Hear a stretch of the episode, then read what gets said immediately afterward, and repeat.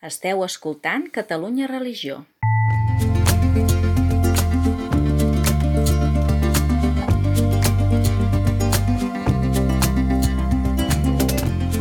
Converses en la frontera, un podcast de Gabriel Jaraba i Xavier Morlans.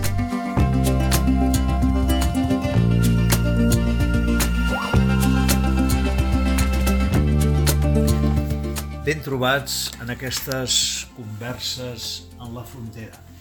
Mira, Gabriel, que he trobat abans d'ahir la Laura Freixas, a la seva columna de La Vanguardia, publicava un article eh, eh, demanant, sospirant per una veritat objectiva. Això era a propòsit de que hi ha un manifest, hi ha un manifest que diu nosaltres, periodistes, artistes, activistes d'esquerres, de dretes, de centre, volem alertar sobre una tendència creixent i internacional de censura. Fan referència a la cultura de la cancel·lació, cancel·lar el que no pensa com tu.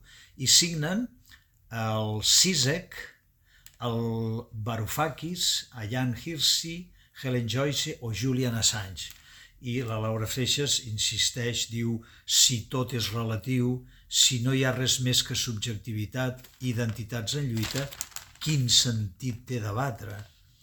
Buscar una veritat objectiva, intentar posar-se d'acord. I l'endemà, l'endemà mateix, ahir, un altre columnista de La Guàrdia, la Llucia Ramis, que escriu molt bé, per cert, també insisteix sobre això. Diu, la veritat no importa. I fa referència a unes declaracions a rac del De La Rosa, que diu la mentida ja no existeix. Es veu que en 24 hores va dir una cosa en un lloc i al cap de 24 hores en va dir una, una contrària. No? Eh, tu creus que fa 30 anys, quan estava de moda el pensament dèbil, que per cert el Bàtimo em sembla que ha mort fa poc, eh? i un record per aquest gran intel·lectual. Però tu creus que fa 30 anys eh, un diari com La Vanguardia hagués pogut publicar en pocs dies dues columnes reivindicant d'una manera tan clara la veritat? No haguessin estat acusades d'escolàstiques o neotomistes aquestes, aquestes, aquestes valentes periodistes? Que s'hagués produït eh, una cancel·lació d'aquests que ara veuen perquè els hi toca molt de prop per, aquesta, per, per això que passa ara, eh, a la manera d'aleshores. I la manera d'aleshores era el bandejament d'un panorama intel·lectual, diguem-ne, el bandejament de la moda, és a dir, mm -hmm. el deixar de formar part, diguem-ne, de la progressia molona. Eh? És a dir, mm -hmm. i això ha tingut molta força. Era un cancel·lament al revés, potser ara el que veiem ara, aquest cancel·lament o cancel·lació de la qual jo sóc, mm, diguem de furibund enemic, eh, doncs no és res més que un, una reacció contra aquella, diguem aquell, havia pensament dèbil per un, un pensament únic que no és el que ara s'anomena com a tal. Ostres, eh, de tota manera, mm, aquesta història sobre la, la necessitat o validació de la llibertat és la història de la cultura europea. Clar, eh? la qüestió de la veritat i ah, també de la llibertat. Clar. Però la qüestió de si hi ha una veritat o hi ha uns referents objectius són els debats ja sobre el singular i l'universal, el nominalisme, no? Si el nom que posem a les coses és purament relatiu, eh, el nom de la rosa, o si els noms fan referència a alguna cosa que està objectivament amb les coses, ara dit d'una manera una mica simple. Sí, i fins, i tot, recorre... i fins i tot, perdona'm, hi han eh, portat això a l'extrem si el nom, no solament si el nom sí fa la cosa, sinó si el nom pot canviar la cosa. Tot el llenguatge políticament correcte eh, i tota la cultura diguem-ne, d'aquest nou nominalisme que criticava també la, la, la, la malaguanyada lingüista Carme Jullent, mm. quan mm-hmm. negava doncs, la, la, la, la necessitat i la possibilitat de doblar el gènere amb el llenguatge, eh? sí.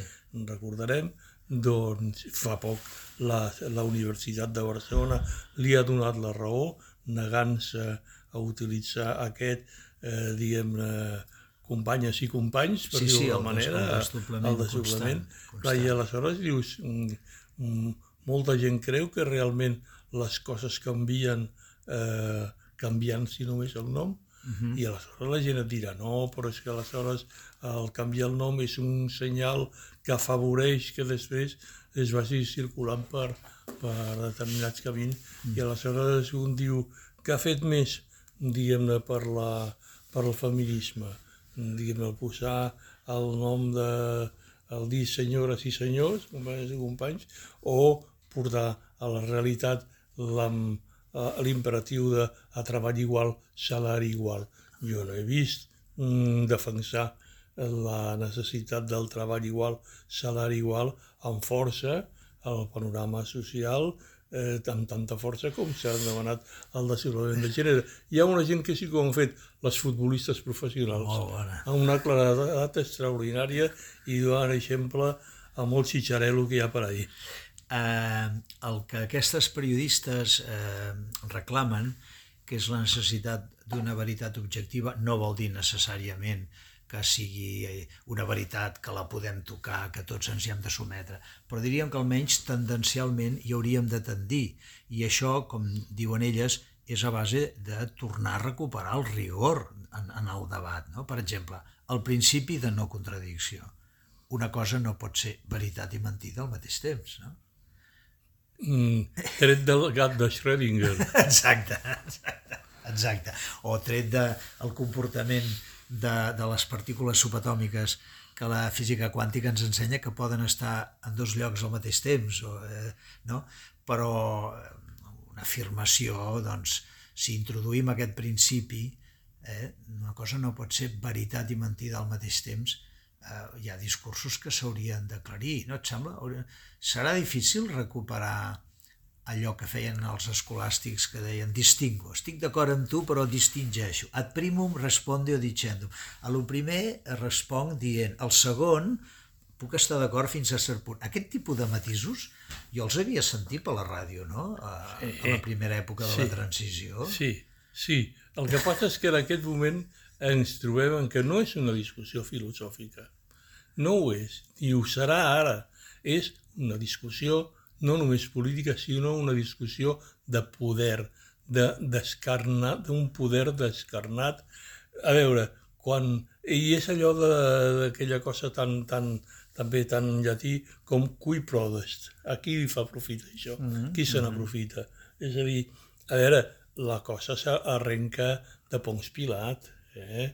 És a dir, quan, quan ara faré jo el paper de, de Don Camilo en lloc de, de, en lloc de Pepone, però clar, però fixa't com a l'Evangeli, tal com el llegeixo jo, que és una mirada molt, molt, molt senzilla, de vegades molt ingènua, però com a l'evangelista, eh, el, el, aquest, aquest propagandista de Déu que diu l'Antoni Batista, eh, és tan llest i tan intel·ligent i tan certer com per posar en primer pla aquesta qüestió de la veritat. Eh? La trobada quan, quan Ponç Pilat eh, rep Jesús, mm, bueno, el rep, diguem li porten eh, uh -huh. eh, com a acusat i com a reu de traïció o del no, que I sigui. demana parlar amb ell perquè intueix ah. que és un paio interessant i vol parlar en privat amb ell. Eh, exacte. I, i se'l sí. porta a dintre. Sí, com, com sí, sí. L'evangelista. Sí, sí. I aleshores, és a dir, l'evangelista, clar, encara més al meu favor, és a dir, és prou intel·ligent com per dir, com te mireu el que passa aquí. Eh? Pilat demana, mm, demana, que havia estat, per cert, governador de la província tarraconense. Ah, caram.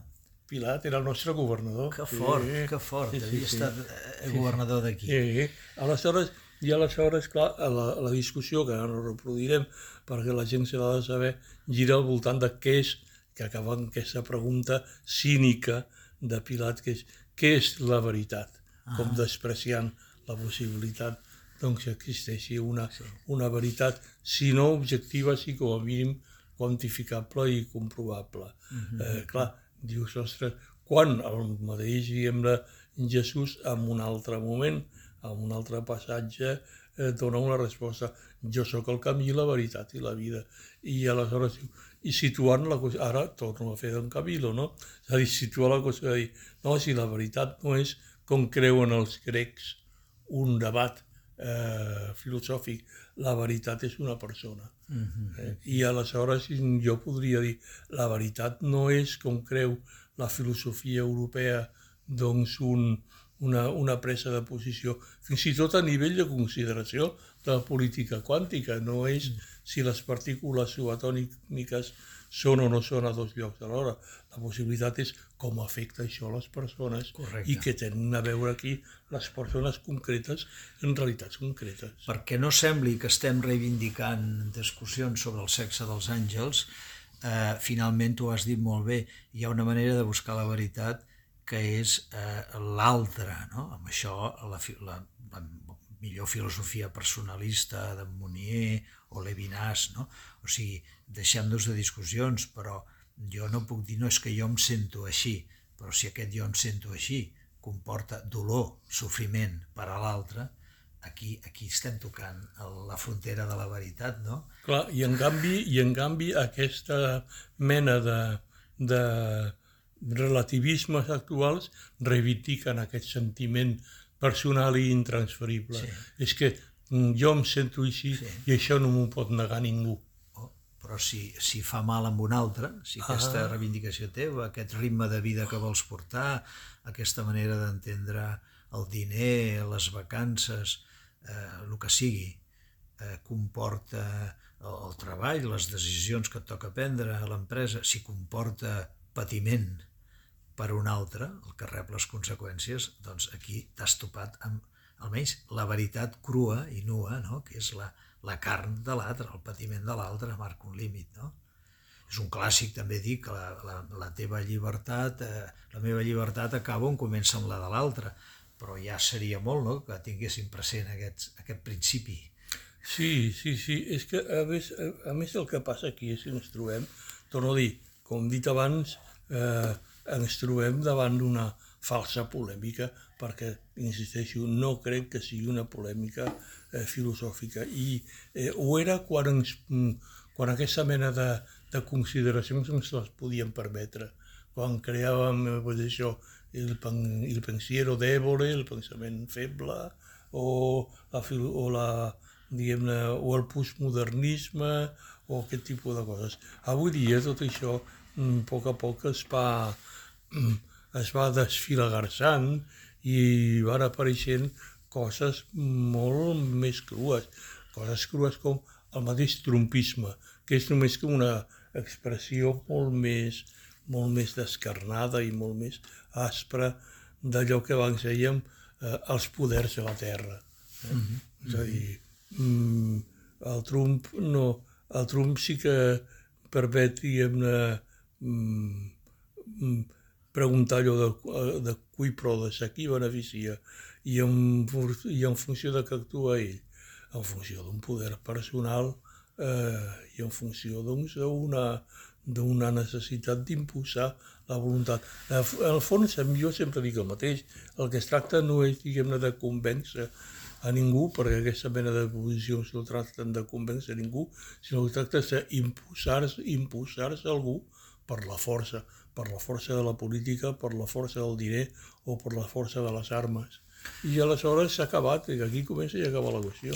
De tota manera, tirant del fil de l'article, aquests dos articles amb els que hem fet esment en començar aquesta conversa de la Laura Freixas i la Llucia Ramis, sí que penso que és legítim dir, eh, com, a, com a proposta, com a hipòtesi, que eh, perquè una veritat l'acceptem tots, perquè arribi a tenir tal força que, que, que, que, que l'admetem, mm, en el, al límit, eh? al límit en les grans qüestions, sí que apareix la idea que, home, mm, hauria de ser una veritat exterior, anterior a nosaltres, ara sí que faig filosofia, en sèrio, anterior i exterior, no?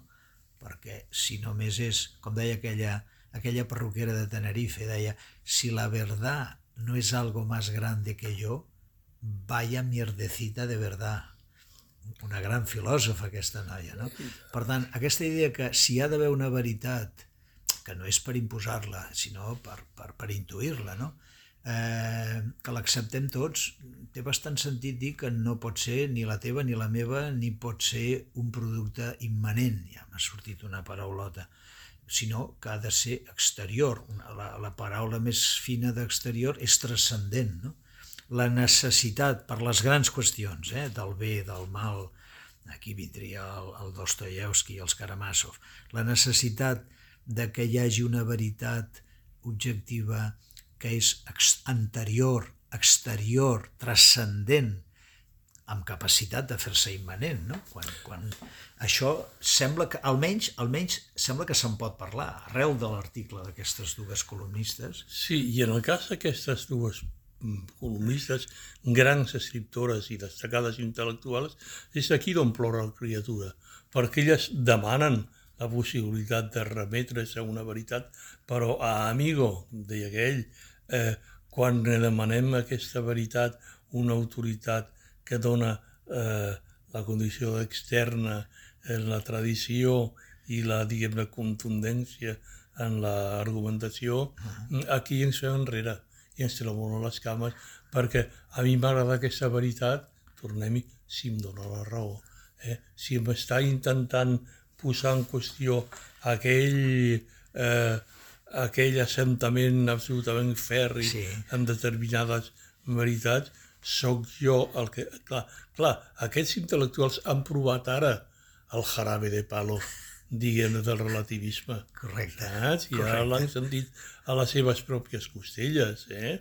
La sanció de Trump, la sanció de l'intel·lectualisme nihilista francès. El que et cancel·lin eh? a les xarxes. Que et cancel·lin, que et cancel·lin a les xarxes per opinar sobre, el, sobre els adolescents trans per exemple, als diaris. No? Com a la J.K. Rowling, la J.K. Sí. Rowling que ha fet una feina... L'autora del, del tema de... Harry Potter. Harry Potter. La, la, la, la J.K. Rowling ens ha tornat mm, tot d'una i amb un paquet que es pot semblar estrany però molt eficient, tota la tradició mítico-simbòlica espiritual d'Europa, que va mm, des del cristianisme eh, fins a les eh, cultures i cèltiques, sí. passant per els fenòmens culturals i civilitzacionals precristians, però sense renúncia, sinó incloent el cristianisme al cor mateix de la, de la, de la seva narració. I, I quan es compleixen, perdona, els 20 anys de Harry Potter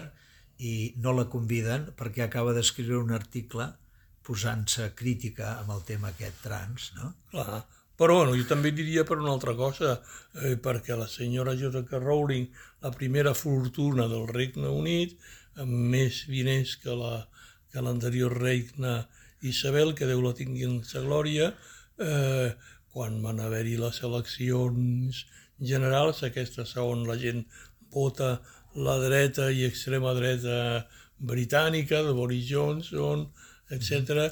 La senyora Rowling va donar un milió de lliures esterlines, trinco, trinco i a fons que perdut, fort, a la caixa fort. del Partit Laborista. Clar, dir, això són gestos. Sí. I aquí sí que no hi ha relativisme, diguem, clar, de moral clar. eh, possible. I jo crec que és per això. Eh, sí, sí, per la cultura trans, però també per tot el paquet que va... I perquè, clar, la, la John Rowling eh, té una llengua mm, que deixa-la, deixa-la anar, no la voldria tenir jo pas com a enemiga en un debat. Doncs, amics, eh, és un tema que dona per molt. Jo, jo crec, vull ser com esperançat, que hem tocat tan fons, que és el que diuen aquestes articulistes, quan veuen com es cancela l'opinió contrària, com no raona, sinó que es diu jo és el que sento, ningú em pot fer canviar, que penso que s'obre una nova etapa des d'aquesta fundària del relativisme, en què s'enyora, i es, almenys es pot parlar del discurs de la recerca tendencial en algunes coses elementals a una veritat objectiva. Sí, uh, a veure, jo crec que hi anirem arribant aquí a còpia de, mm, de cops a cap i a còpia, perquè, diguem-ne, les forces aquestes, diguem-ne, partidàries, aquest relativisme el justifica, són tan cegues però que, que no veuen ni un borrall i aleshores ells mateixos es posen, diguem-ne, la corda al coll. És a dir, i són tan barruers i la majoria d'ells eh, són tan ignorants que són insostenibles. A veure, que en aquest moment la, la, la França laica, eh, la seva tradició, diguem-ne, d'estat al marge de qualsevol qüestió religiosa, la societat al marge fins i tot de qualsevol inclinació espiritual, clar, que tingui que ser eh, Huele, Michel Houellebecq un, un personatge tan, diguem-ne, grotesc el, el que representi il·legítimament una tradició laica, que no és la tradició laica francesa, republicana, sinó que és el que la gent entès ella, això és molt fotut, eh? eh quan hi han hagut personatges com un altre pensador ateu importantíssim com Michel Onfray, mm -hmm. eh, que dius, ostres, eh, aquest home tenia una certa capacitat com a mínim dels creients posar-nos nerviosos, no? Ni tan, sols, ni tan sols això. Si tu vas amb un Donald Trump pel món, què vas, què vas a buscar? Pobret, eh, pobret desgraciat, si és, un, si és una cosa que, que, que, que ha de moure la compassió.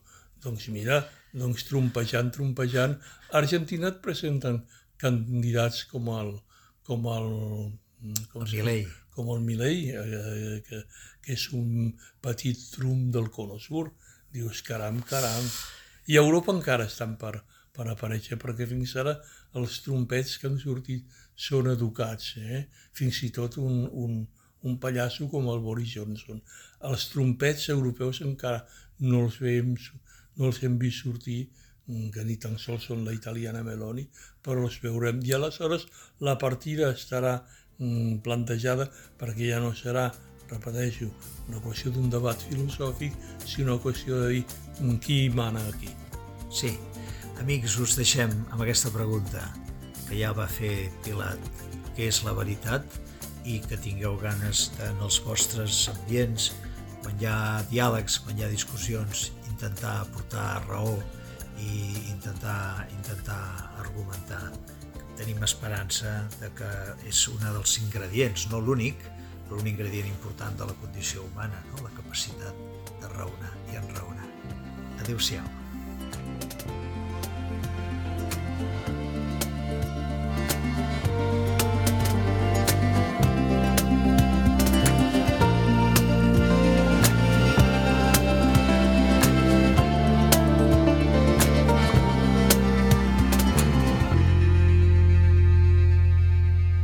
Catalunya Religió